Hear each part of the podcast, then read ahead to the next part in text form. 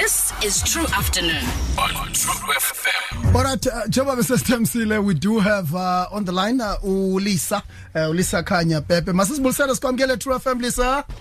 Ndiyabulisa nam Budreji ndiyabulisa nakubaphulaphuli be-True FM. Sikhona masiqale silungisa izinto apha kukho abantu baqale bakhawuleze baqatsha apha bathi bangungabakhaya babo basengqushwa. Ungowaphi? Ikhaya liphi sisi? Benzawuva bawuthi ngabantu basebhaya babandiqashayo ikhaya lise-Alice kwansela amanzi ndazalelwa khona. And then ndamuvela eBhayi ke ndigqibezele khona ugrade 11 no grade 12 Oh okay. So so so grand grand uyafana nami uzophuculwa libhayi uzobona itraffic lights okanye irobots ngosuku lebhayi nemoto eziningi. Um lisa inona kwenza umdla into yoba mawube ngunondaba wena? Uh but ready to be honest ndandifuna uba yi-journalist ne Mm -hmm. But iproblem ke ngoku uh that ndi apply kwabe sekugcwele uyabo? The reason why ndandifuna uba i-journalist ndandithanda ufunda ndandi-excela ke esikolweni nasezincwadini kwi-novels english afrikaans isixhosa and i would read even ne-newspapers endini neemagazini ezindala and ndithanda nezinto ke. So ndandithanda umamela iradio ndibukele ne-tv as well because i wanted to know yonke nje into eyenzekayo emhlabeni. Yes. Eh sithi qinawa somhle soyile soyile yellow bone ifunda indaba apha eTVini but can you tell us about the process before sikubone umhle ume phambi kwethu phambi kwecamera ufunda indaba?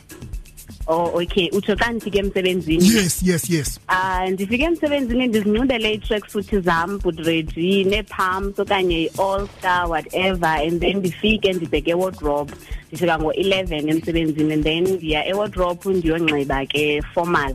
And then half past 11 ndiye make up ke ndiyofakwa ke zonke ladaka neza um neza eyeliner. And then uh ngo-12 ndiqale ku-rehearse story zam before ndiye estudio 10 minutes before 1 o'clock kwezi zasemini ke indaba then kwezasezaka-7 ndiya nge-10 to 7 10 minutes before iqale ibulletin so i would rehearse ke ndihlale edeskeni yam and then ndilungise ke ezo zinto zifuna ulungiswa kwii-intros so bakhona kabantu ababhalayo ii-intros for mna then mna ndizivele ngozijonga nje ndijonge ke mhlawumbi ngendlela endinoyibeka mna ngohlobo endiyakwazi uyirida comfortably. Mm mhm. Wow interesting. Um ndiyacinga into yoba uthetha ngomntu omtsha osuke phi apha eAlice eh wahamba waye eBhayi wasuka eBhayi wahamba eh waye eGauteng. Um ungakho sichazele nje in short into yoba zeziphi izinto mhlambi ozifundileyo because uyintombi yasemakhaya wahamba wadibana ne-lights eBhayi wegqiya eGauteng. But that journey how has it been for you? Uh, it has been a great journey, Butreti, to be honest. Yes, Usuga in a small town, i-Alice, we understand that I know, with few developments, we understand. So you only have knowledge, oyifundiswe kokwenu bana xa usithi come across abantu this is how you you are supposed to behave. We understand so ufundisa imbeko. So nofika kwami eBhayi ke benhlala ndinaloo nto bana okay this is what I've been taught ekhaya. Baziphathe ngolhlobo uthi uthi we understand. So nasebhayi ke i think it was all about ukuziphatha. So ndasebenza ke kahle because i started working kwi-radio station eyi-community inkqubela FM so from there ke kwabe kuyovulwa i-Bay TV i-Urban Brew from eGauteng so ndayo auditiona ke nalapho. Nalapho wethu ndaziphatha kakuhle uya understand ndihlale ndikhumbula all the principles endizifumeneyo ke from way back ekhaya eAlice uya understand so nokuya ke eGauteng it was more like the same thing we understand nalapha eGauteng ndafika. So i don't know ke noba mhlambi ufuna ndichazele into bana ifike njani apha eGauteng no no we just wanted to to to understand lo Jen ndiyayithanda lento basoyivelela nayo lento ba eh we always encourage abantu abatsha especially sine true talent search apha into ba it's it's always good to start kwi community radio station. Ndiyayithanda into ba uyivelele lona because abantu xa bekujonga baqonda you hayi wethu she had it easy ulisa. Suke wase TV yeah yeah. bavele bathu benelaki Mm quickly before singene kwi quiz yethu uh, umyalezo wakho kubantu abatsha uh, abangathanda ulandela mhlambe ekhondweni lakho. Yes uh inyothi budret into endinoyithetha into yobana umntu must always believe kwiphupha lakhe we understand that because siyabanida wethu abantu. It's lonely out there. We understand ilizwe labantu abazi abazi academics. It's a very lonely life. We understand so we need more abantu abazi graduates. We understand so it doesn't matter apho usuka khona. Always say bana ne, ne, ne first black president yethu Tata Nelson Mandela came out of nowhere.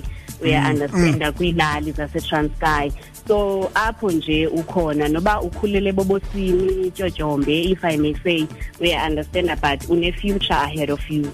Wow. so nje wena into ebalulekileyo is that ulandele iphupha lakho and that's all. Great stuff great stuff indeed. Yavuyangqina nalo apha naye uphume KQFM eh ulunga. Um all right. Asike singene kwi quiz yethu ke sikhe sibondo kuqhubelana ugoduka phofu Iqhubele ngoMay nge1st kaMay. Oh okay. China wabusanda ubalapha mos ngoku. Ake sikhangele ke into obulazi kangakanani na eliphondo. Just five easy questions wethu. Um okay, question number 1. Intoni igama lo masipala wase Alice? Ah, inkonkobe. All right, okay. Eh ngubani i-vice chancellor yase Fort Hare? Oh my god. thina isichithe siphinde sibuye ayingo Mr Tom.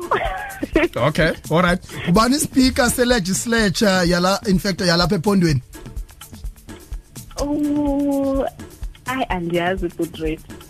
All right kumama usispeaker ah uh, no. Okay siqithe i amathola mountains zikweyiphi idolophu apha empuma koloni?